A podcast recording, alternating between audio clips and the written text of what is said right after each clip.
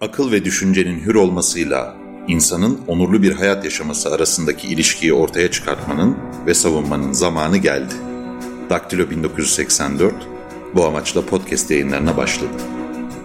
Merhaba, Daktilo 1984 podcast'in 6. bölümünde kayıttayız. İlkan, hoş geldin. Hoş bulduk Duma.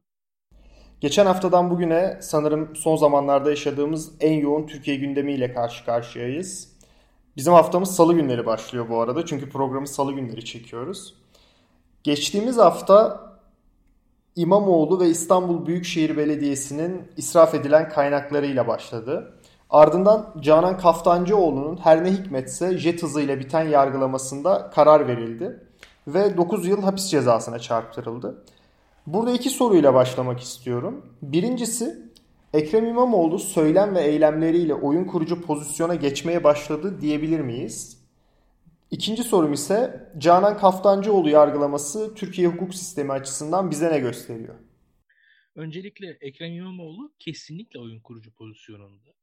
Çünkü e, bir defa siyasette bir kazanan, onun dışında yani e, Cumhuriyet Halk Partisi e, kurumsal kimliğine veya Kemal Kılıçdaroğlu'na atfedebileceğimiz yenilgi, kaybetme gibi e, özelliklere sahip değil Ekrem İmamoğlu ve e, taze bir figür, genç bir figür, e, siyasette yeni bir figür ve e, yıpranmamış bir figür. E, muhafazakar kesim açısından da e, kolaylıkla vurabileceğiniz bir e, falsosu olmayan bir figür. Yani baktığınız zaman Karadenizli, e, Sünni kökenli bir aileden geliyor. İslam diniyle arasında bir e, ontolojik sorun olmadığı belli. E, Birçok açıdan kolay kolay da yıpratılamayacak da bir figür Ekrem İmamoğlu. Geçmişinde öyle bir yolsuzluk yok vesaire yok. E, bu açılardan Ekrem İmamoğlu kolay kolay da İslami kesimin vuramadığı bir figür. Zaten sıkıntı da buradan başlıyor aslında. Çünkü Ekrem İmamoğlu bir hamle yapıyor. Hamleye cevap vermeye çalışan AK Partililer sadece neticede Ekrem İmamoğlu'nun hamlesini AK Partililere duyurmuş oluyorlar. Yani burada öyle bir şey ki e, Ekrem İmamoğlu'nun hamlelerinin karşısında AK Partililerin yaptığı hamleler işlevsiz hamleler halinde. E, burada asıl mesele biraz o. Çünkü Ekrem İmamoğlu burada e, gayet görsel de bir şekilde israfı anlatmaya çalıştı. Çünkü Türkiye'de biliyorsunuz hani televizyonlara da birileri ellerine dosyalarla çıkarlar. E, fotokopi kağıtlarını birbirlerine sallarlar. Bunların da halkın gözünde ne kadar değeri vardır tartışılır. Çünkü neticede Türkiye halkı ortalama eğitim e, ortalama eğitim e, süresi 7 yıl olan bir halk. Bu halkın e, ortalama eğitim süresi 7 yıl olan halkımız da yani ellerindeki fotokopi, fotokopi kağıtlarını sallayan siyasetçilerden ne kadar etkilenirler soru işarettir. Yani e, mevcut olan kanaatlerini koruyarak genelde o tartışmalardan çıkarlar. Ancak burada e, israf konusunda çok somut bir şekilde arabaları dizdi. Yani e, buradaki somutluk zaten e, yeni siyaseti de gösteriyor. E, ve bunun dışında da Türkiye'nin e, buradan da yavaş yavaş Canan Kaptancıoğlu meselesine geçeyim. E, hani sorular geliyor ya efendim e, buradaki israf konusunda, varsa yolsuzluk konusunda yargıya başvursun vesaire. Yani yargıya olan güvensizliğin de göstergesi aslında o sergi. Çünkü normal şartlar altında yargının işlediği bir toplumda biz e, kamu yöneticilerinden böyle bir sıkıntı varsa, böyle bir sorun varsa yargıya gitmelerini bekleriz. Ancak burada yargıdan ziyade topluma gidiyor Ekrem İmamoğlu. Yani ben mahkemelere başvurmuyorum diyor. Ben topluma başvuruyorum diyor. Bunu Türkiye'deki hakimlere, yargıçlara, savcılara değil halka gösteriyor. Çok basit bir şekilde. Bu da aslında Türkiye'deki hukukun durumunu gösteriyor diye düşünüyorum ben. Ee, ya bu açıdan da İmamoğlu'nun tavrını hem Türkiye siyasetinin şu anki halini, Türk devletinin halini, Türk yargısının halini bilerek e, yeni çağın siyasi dilinde anlayarak hareket ettiğini gösteren bir e, eylem olarak görüyorum. Ve e, kendi adıma çok başarılı buldum. E, ve buradaki söylemin de Ekrem İmamoğlu tarafından e, çok çok sertleştirilmemesini yani gösterilmesini ve çok da fazla esasında kırmak istememesini İslami kesimi çok da doğru bir strateji olarak görüyorum. Şu anki hali, tavrı gayet doğru. Ee, ve onun açısından da çok makul ve mantıklı ve bu öyle bir şey ki AK Parti'nin son özellikle e, 2007-2010 sonrasında adım adım yerleştirdiği bir medya düzeni var. Bu medya düzeninde muhalefetin kendi küçük e, kozaları, cepleri hariç sesini duyurması çok zor. Du. şimdiye kadar. Ekrem İmamoğlu ise İstanbul Büyükşehir Belediye Başkanı. Yani İstanbul Büyükşehir Belediye Başkanı sesini ister istemez duyuruyor. Çünkü siz bir e, ilçe belediye başkanı veyahut da bir İzmir, Antalya vesaire belediye başkanı değilsiniz. İstanbul Belediye Başkanı yaptığı her şey gözüküyor. Her yerde gözüküyor. İstanbul'un yani İstanbul'un bir meydanından günde milyonlarca insan gelip geçiyor. Çok basit bir şekilde İstanbul Büyükşehir Belediye Başkanı'nı saklayamıyorsunuz, gizleyemiyorsunuz. insanların gözünden uzakta tutamıyorsunuz. Bu da şu anda AK Parti'nin kurduğu medya düzeninin tam anlamıyla ortasında büyük bir yarık olarak açılmış durumda. Buna çözüm bulmaya çalışıyorlar. E, ve klasik anlamda e, kültürel e, çatışmalar üzerinden ayrışmanın ayrışmayı yaratmak AK Parti'nin tek şansı burada. Onu da yapmaya çalışıyor ama Ekrem İmamoğlu'nun kimliği o ayrışmanın oluşmasını şimdiye kadar engelledi. Eğer umarım e, Cumhuriyet Halk Partili belediyelerde e, dindar vatandaşlara karşı hizmetlerinde bir hata alan vesaire işlemezlerse bir sorun olmaz diye düşünüyorum. Buradan e, sanırım bir de Canan Kaftancıoğlu'nun davasına geçmek gerekiyor. Canan Kaftancıoğlu'nun davası e, bir liberal demokrat olarak benim adıma hakikaten skandal bir dava. Çünkü başından sonuna e, yani tweetler üzerinden oluşturulmuş bir dava. Tamamen ifade özgürlüğü kapsamında sözler var. E, hiçbirisi doğrudan veya dolaylı şiddet e, övgüsü içermiyor. E, ve bunun dışında 6-7 yıl geçmiş ve tam anlamıyla İstanbul Büyükşehir Belediye seçimlerinden sonrasında e, bu seçim sonuçları üzerine neredeyse açılmış gibi, gibi gözüken bir dava. E, aynı şekilde davanın süreci vesaire tamamen skandal. E, ve bu aslında yine e, iktidarın muhalefete dönük stratejisinin devamı. Yani e, kendilerince iktidar e, zihni muhtemelen şey görüyor. Yani bu e, muhalif ittifakı nereden bölebiliriz diye düşünüyor. Cumhuriyet Halk Partisi, İyi Parti, HDP arasındaki ittifakta Canan Kaftancıoğlu, CHP-HDP arasındaki yakınlaşmanın sembolü olabilecek bir insan neredeyse. Ve Canan Kaftancıoğlu üzerine e, oynanıyor ve burada da esasında nispeten İyi Parti'yi ve milliyetçi seçmeni olabildiğince bu ittifaktan uzaklaştırmaya çalışıyor iktidar diye düşünüyorum. E, görünen o ki çok başarılı olamıyor. E, burada nispeten e, özellikle CHP'lilerin tavrı önemli. E, olabildiğince yeterli olmasa da il başkanlarına sahip çıktılar diye düşünüyorum şimdilik. Hazır Canan Kaftancıoğlu'ndan bahsetmişken Canan Kaftancıoğlu'nun AK, AK Parti'deki mevkidaşı e, Bayram Şenocak'tan da bahsetmemek olmaz. Bayram Şenocak'ın mevkisinde zamanında e, bakanlık yapmış Mehmet Müezzinoğlu, AK Parti ile liberallerin ayrışmasının ilk sinyalini vermiş Aziz Babuşçu gibi çok yüksek kalibreli insanlar oturuyordu. Ancak bugün Bayram Şenocak'a kalmış durumda iş ve Bayram Şenocak'ın düşünün AK Parti içerisindeki parti içi dinamiklerin ne kadar yavaşladığının da göstergesi bu biraz. Bayram Şenocak hala görevde ve seçim günü, seçim gecesi 23 Haziran'da Bayram Şenocak aleyhine neler neler yazdı AK Partililer. Şu an Twitter'da Bayram Şenocak diye bir aratın bakın. O Bayram Şenocak'a dair yazılanların, çizilenlerin hepsinin unutulduğunu görürsünüz. Ee, çok ilginçtir bu. Bu AK Parti açısından da bence değerlendirilmesi gereken bir süreç. Çünkü muhtemelen bugünkü konuşmanın devamında veyahut da bir sonraki konuşmada en azından AK Parti içerisinde de değineceğiz. Bu AK Parti içerisindeki nispeten yıllar içerisinde oluşan dekadansı anlatan bir şey. Yani Aziz Babuşçuların, Bayram Şen Ocakları'nın oturduğu koltukta bugün e, ancak e, ancak şey oturuyor. E, Bayram Şenocak oturuyor. Bayram Şenocak oturuyor. Aynen bu e, AK Parti'nin dönüşümünü anlatan bir süreç süreç süreci gösteren bir örnek diye e, aklıma geldi. Bunu ifade etmek istedim. Ya burada aslında e, AK Parti de CHP bir başka partiye dönüşüyor. Geç, yıllar geçtikçe AK Parti de bambaşka bir partiye dönüşüyor. Yani AK Parti CHP arasında 2002 yılındaki ayrışmayla 2019 yılındaki ayrışma farklı. Yani bu orada bizim görmemiz gereken şey de bu. Canan Kaftancıoğlu CHP'nin 2002'den 2019'a kadarki dönüşümünün bir sonucu olan bir insan. Canan Kaftancıoğlu 2002 CHP'sinde hiçbir yerde yer alamazdı. Bugün de düşünün Bayram Şenocak gibi isme de İstanbul İl Başkanlığı gibi bir görev AK Parti 2002 AK Partisi'nde asla verilmezdi. Bugün AK Parti'de de bir dekadans var, CHP'de de başka bir evrim var diye düşünüyorum. Bu ikisini beraberce düşünmek gerekir. Diye de bitirelim en azından şimdi. AK Parti içindeki ayrışmaya sen değindin. O zaman oradan devam edelim. Kılıç e, Kaftancıoğlu cezasına bir tepki de AKP'nin içinden geldi. E, tepki gösteren kişi Bülent Arınç'tı. AKP'nin kendi içinde bir çekişme olduğunu hem sen söyledin hem de son zamanlarda iyice belirginleşti bu. AKP'nin içindeki klikleri nasıl sınıflandırıyorsun ve bunların etki alanını nasıl görüyorsun? Çünkü bir tarafta işte Beratçılar, bir tarafta soylucular gibi farklı farklı şeyler medyaya yansıyor. Bunların etki alanları nelerdir? Şimdi AK Parti şu an aslında parti olarak bence dağınık durumda. Çok doğru bir tespit bu.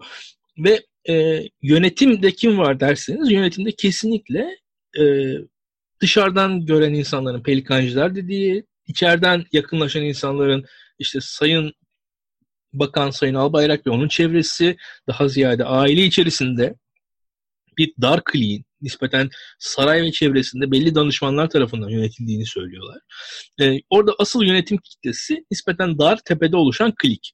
Onun dışında e, gerek soylu e, gerek diğer aktörler sonuçta şahsi aktörler. Ben onların AK Parti içerisinde çok yoğun ve derin bir m, karşılıkları olacağını düşünmüyorum. Sonuçta AK Parti İslami kökenden gelen bir parti ve orada e, Süleyman Soylu gibi gibi bir aktörün varlığının önemi vardır. Şahsi bir kariyeri de vardır. O da doğrudur. Ancak Süleyman Soylu'yu Süleyman Soylu yapan şey AK Parti içerisindeki derinliği değil, bakanlığında gösterdiği performansıdır açıkçası. Yani bunu iyi ya da kötü siz yorumlayabilirsiniz siyasi meşrebinize göre ama Süleyman Soylu'yu Süleyman Soylu yapan şey siyasi derinliğinden ziyade bakanlık performansıdır. O açıdan onu çok bir ben dehşetli bir derinlik içerisinde görmüyorum.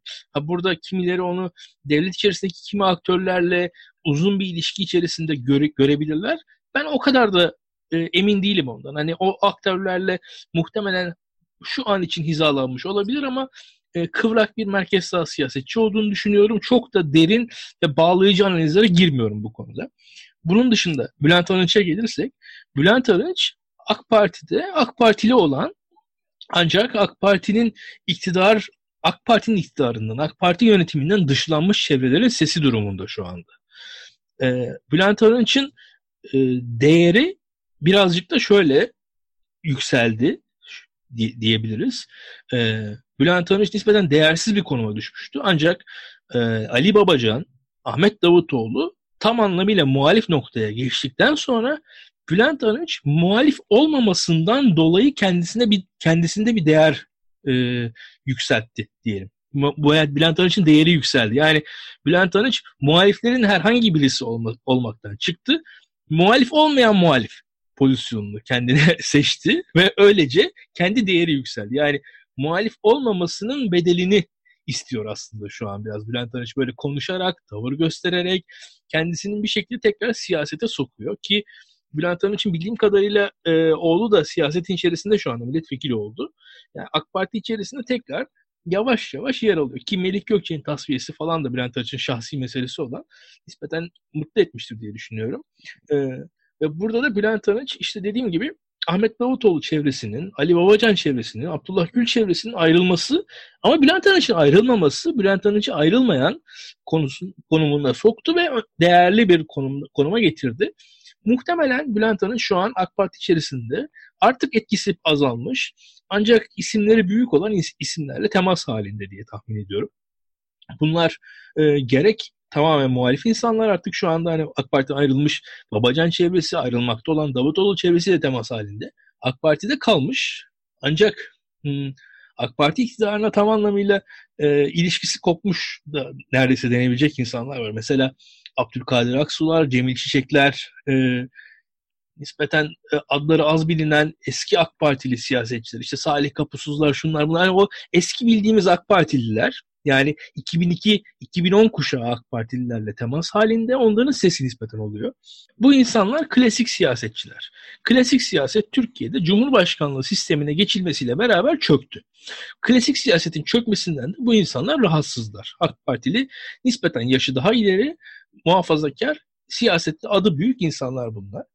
Bülent Arınç bunların sözcüsü olmuş durumda ve kendisini e, özellikle e, belli bir noktada Tayyip Erdoğan'la kalan kitlenin arasındaki e, uzlaşmacı pozisyonuna sokmak istiyor ve kendisine öyle bir görev biçiyor. Şu andaki pozisyonu bu. Burada şöyle bir şey var. Bülent Arınç bu görevinde başarılı olabilir mi? e, bence zor. Şu açıdan zor. Tayyip Erdoğan'ın en azından e, muhtemel bir seçimde yenilgisinin mukadder olduğuna inanması lazım ki Bülent Arınç'ın sözlerinin anlamı olabilsin. Yani Tayyip Erdoğan ağır bir yenilginin, ağır bir seçim yenilgisinin kaçınılmaz olduğuna inanacak ki Bülent Arınç'ın sözlerine e, değer versin. Bülent Arınç'ın sözlerinde değer bulsun en azından. Kendisi için değer bulsun. Şu aşamada Bülent Arınç'ın sözlerinin Tayyip Erdoğan açısından çok bir anlamı olacağını düşünmüyorum. Özellikle Tayyip Erdoğan'ın çevresinin, yakın çevresinin, bu pelikan dediğimiz çevrenin bu sözlerden inanılmaz rahatsız olduğu olacağı, olmakta olduğu açık. Ve bu insanlar da muhtemelen çok sert sözlerle Bülent Arınç'ın etrafına, üst, üstüne gelecekler. Ve Bülent Arınç nispeten susturulmak istenecektir diye düşünüyorum. Ancak burada şöyle bir sıkıntı var. Ee, parlamenter sisteme dönüş isteyen e, belli bir AK Partili grup var aslında. Ve Bülent Arınç da bunların sözcüsü. Bu parlamenter sisteme dönüşü bu insanlar talep ediyorlar. Ancak bugün AK Parti'de bu taleplerinin hiçbir şekilde karşılık bulması, AK Parti yönetiminde Tayyip Erdoğan'ın da karşılık bulması mümkün değil. Dediğim gibi ancak ve ancak Tayyip Erdoğan seçim yenilgisinin mukadder olduğunu görürse böyle bir şeye düşünebilir. O zaman da başka bir Türkiye'yi konuşuruz diye düşünüyorum. Ancak şu aşamada pek olası görmüyorum.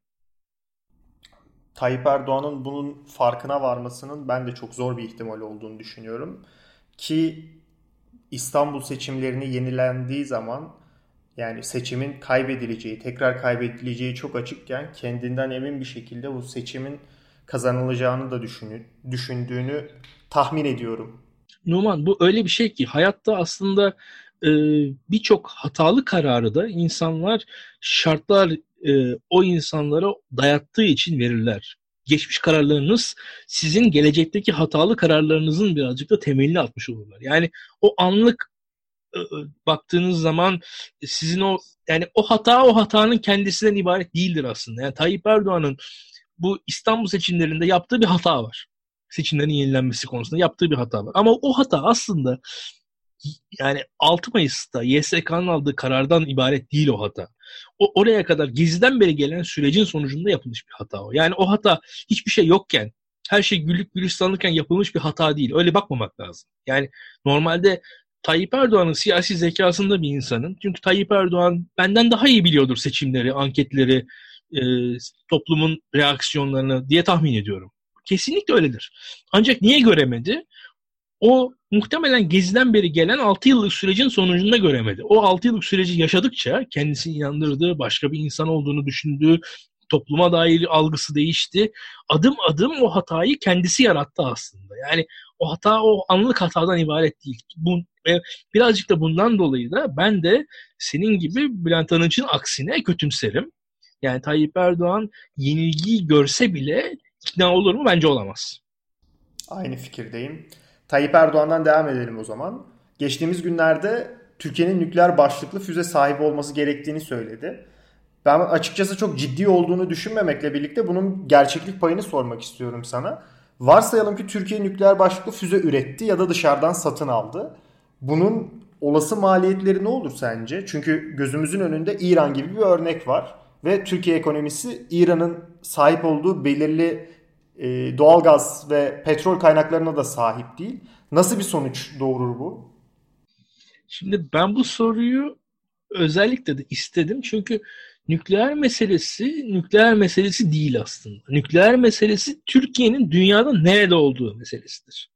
Yani e, Türkiye nükleerle beraber bir irade beyanı yapıyor dünyaya. Yani bir e, ortaçağ düşüncesiyle bakarsak sizin kaleleriniz vardır. O kale içerisinde kendi feodal dünyanızda etrafınızla ilişkisiz bir şekilde diğer tüm otoritelerden bağımsız bir hayatınız olabilir. Orta Çağ dünyasında. Toplar vesaire yokken. Ee, nükleer ülkelerin kendilerini dünyada nasıl gördüklerine dair bir şey bugün bugünden bakarsak. Çünkü baktığınız zaman nükleer silah teknolojisi 1945 yılı itibariyle bulunmuş bir teknoloji.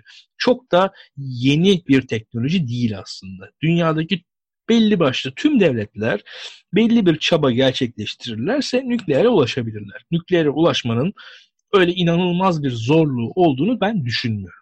Yani bugün İran'da istese nükleere ulaşır. İran ir, nükleere kendisi istemediği için ulaşmıyor aslında. İran gibi bir ülke nükleere ulaşır. Pakistan'ın ulaşabildiği bir nükleer silaha İran çok rahat ulaşır. Türkiye'de ulaşır. Arjantin'de ulaşır. Yunanistan'da ulaşır. Kuzey Kore'de var yani en basit örnek Aynen. olarak. Yani nükleer öyle ulaşılamaz bir teknoloji değil bir defa. Bir bunu koymak lazım. Hani herkes e, zannediyor ki nükleer öyle aksine nükleer ulaşılabilir bir teknoloji. Ancak şöyle bir şey var. Türkiye'nin Ahmet Davutoğlu dış politik e, vizyonunun da vizyonuna bakarken başlarken yaptığı bir hata vardı. Yani deniyordu ki biz masada olacağız. Biz bu pazarlıklarda olacağız. Türkiye'de kendi gücüyle aktör olacak. Türkiye'nin tarihsel derinliği var. Bu bir güç çarpanıdır. Türkiye'nin kültürel derinliği var. Türkiye'nin Osmanlı tarihi, vizyonu var. Bunlar işte Türkiye'nin İslami kimliği var.